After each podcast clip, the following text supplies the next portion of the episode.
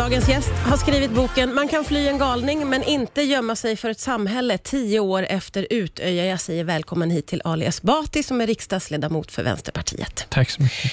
Ja, du var ju på Utöja när det här eh, skedde. Du hade föreläst och vad jag förstår så sitter du i matsalen när Breivik börjar skjuta. Vad minns du av det?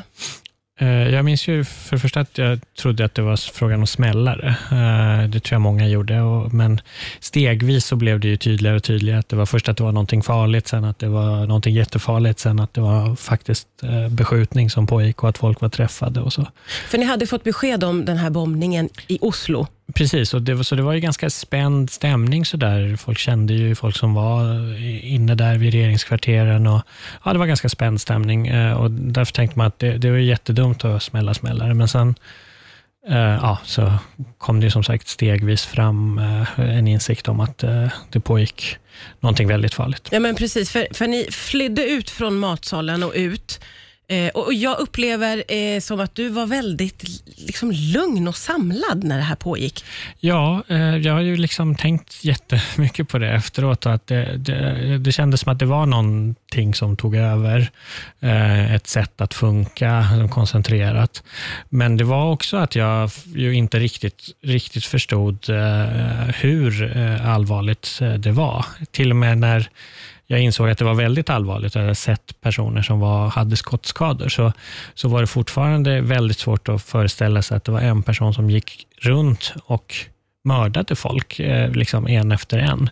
Det sköts ju så oerhört många skott, så att det, det naturliga som dök upp i huvudet var att det var någon slags skottlossning mellan personer, att det till och med kunde vara så att polisen var på plats, för det sköt så himla mycket. Så du, du uppfattade att det var väldigt många som var där och ja, sköt? Ja, att det var eh, en grupp eller eh, så. Men, ja. Eh, men det dröjde ju väldigt, väldigt länge innan det hela var över. Ja. Eh, när du springer ut från matsalen och du springer mot vattnet, vad jag förstår, så, som du sa, då ser ju du skottskadade ungdomar. Mm. Minns du vad du tänkte då?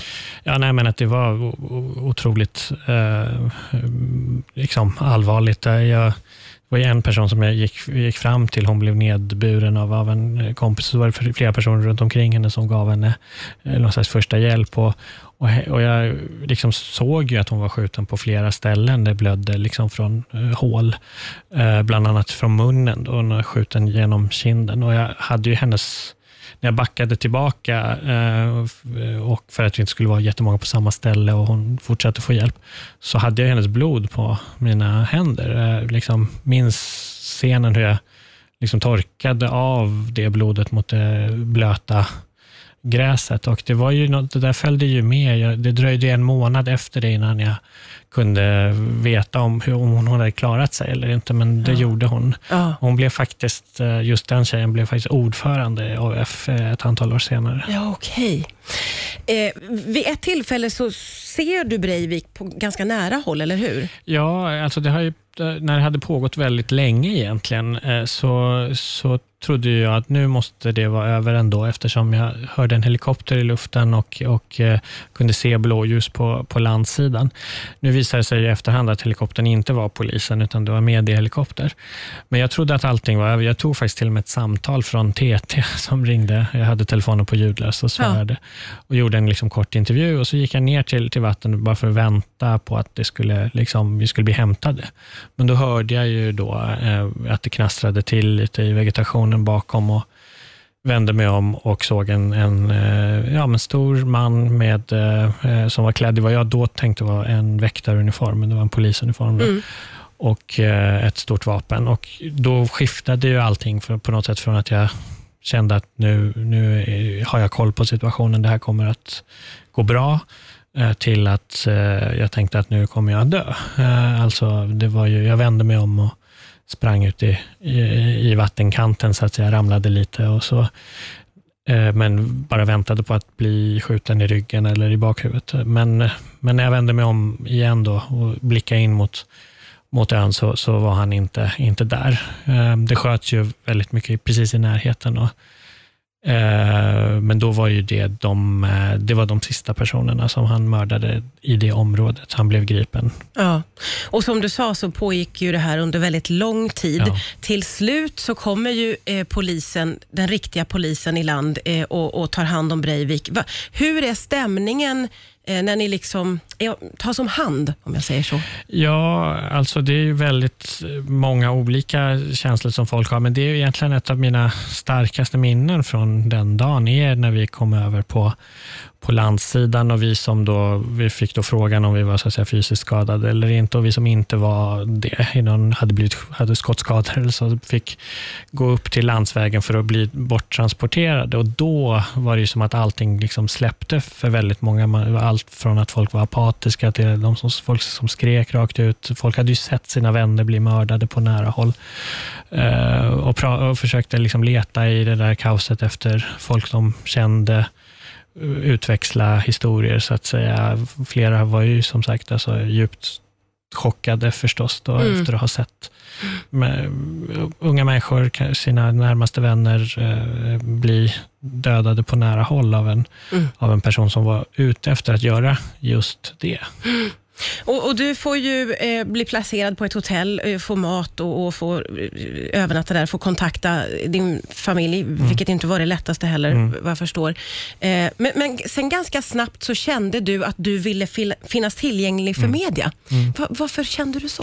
Nej, men jag kände det nästan direkt. Dels var det ju för att eh, jag var en som kunde det. Det var ju så många som var väldigt unga, som inte kunde eller ville eller borde så att säga, mm. vara tillgängliga. Men det var också en känsla av att mitt i desperation och hjälplöshet ändå hitta en uppgift som man kunde kunde ha. Mm. Ehm, så, så på så sätt var det viktigt också för mig att, att få göra det. Men sen så insåg jag snabbt också att det, hela liksom diskussionen om vad, vad som egentligen hade hänt, att det var någon slags dragkamp om det som startade närmast omedelbart när det blev klart att det här var en, en person med, med ljust blont hår, så att säga.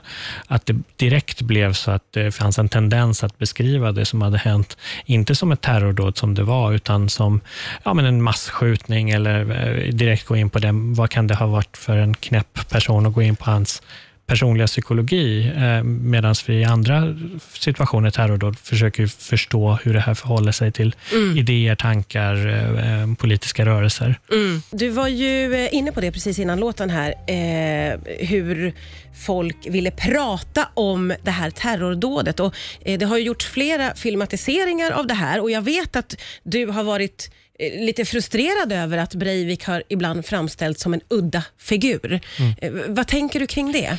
Nej, det är ju ganska vanligt tyvärr eh, i vår del av världen att, att när det är högerextrema eh, rasistiska terrordåd så är, man ganska snabb med att eh, individualisera det väldigt mycket och fokusera på gärningsmannens enskilda psyke. Och Det är klart att om en, pers en person som begår terrorhandlingar har ju uppenbarligen personliga problem också, men vi kan inte reducera det till det. Det blir ju jättekonstigt, då gör man sig ju dum och då lär man sig ju ingenting för för framtiden. Eh, därför att det här är ju ett samhällsproblem som vi har. Och Breivik i likhet med flera andra eh, högerextrema eh, terrorister, inklusive folk i Sverige, alltså Lasermannen på 90-talet eller Mangs eh, i, i, Malmö, är, är, ju folk som eh, tenderar att, att, tänka att de gör bara det som andra ändå pratar om. Mm. Så när det finns eh, liksom en normalisering av rasism, när det finns mycket hets och hat mot eh, invandrade, mot, mot personer som anses ha liksom förstöra landet för att de kommer utifrån, då kommer det att finnas en större risk eh, för att det finns någon som då också tänker att ja, men nu måste jag också handla för mm. att förverkliga det. Så på så sätt är det ju, det är också bokens titel lite grann, så om vi ska skydda oss själva, så är det ju viktigaste vi kan göra är att eh, ha ett samhällsklimat, ett samhälle som bygger mer på solidaritet och mindre på, eh, på rasism. Jag menar, Breivik sitter ju i fängelse, eh, han är inte ett hot nu, nu men det finns mycket annat som hotar. Ja, vad tänker du om samhällsklimatet idag? För jag kan väl se att de här tio åren har inte, det har inte varit en bra utveckling på det sättet. Nej, det har verkligen inte varit en bra utveckling och, och absolut inte i Sverige de senaste, senaste åren med en, en, en normalisering av, av rasistiska ståndpunkter, av att så att säga få nästan varenda, vartenda problem i samhället att handla om eh, ja, men folk som har invandrat eller eh, liksom kulturfrågor, istället för att diskutera ja, men stora samhällsutmaningar som vi har, allt från liksom arbetslöshet, bostadsbrist, eh, eh våld, otrygghet, mm. som de samhällsproblem de är. Men det här etnifieringen av samhällsproblem, det är, det är riktigt, riktigt farligt för ett samhälle som, eh, som vill utvecklas åt, eh, åt rätt håll. Hur kommer man till rätta med det då, tror du? Ja, jag tror att det finns en nyckelfråga och det är frågan om solidaritet. Att vi ser att vi har, eh, de flesta av oss har väldigt liksom, sammanfallande intressen. Vi vill att våra barn ska vara trygga, vi vill ha eh, trygghet och, och, och, och, välfärd när vi lever vår, eh, vår vardag. Och då måste vi se att då, eh, då är vi, vi är, vi är olika i det här samhället. Vi lever eh, ett gemensamt liv, men, men väldigt olika. Och då är det liksom viktigt att ta vara på de sammanfallande intressena och bygga ett, ett starkare, eh, jämlikare, bättre samhälle utifrån, utifrån det istället för att leta syndabockar. Syndabocksletande vet vi historiskt leder till eh, riktigt allvarliga saker och då inte bara för de som blir utpekade utan det påverkar hela samhället. Ser du just på framtiden? Jag tycker att vi lever i ganska mörka tider, men jag ser också ljuspunkter. Bland annat att den yngre generationen är de som eh, är minst i alla fall påverkade av eh, den här normaliseringen av rasismen. Där finns det hopp, men det är ju inget som händer av sig själv. Vi mm. måste ju liksom kämpa med de eh, punkter av ljus och hopp som finns. Tusen tack Ali Esbati för att du kom hit till Rix Tack för att jag fick komma.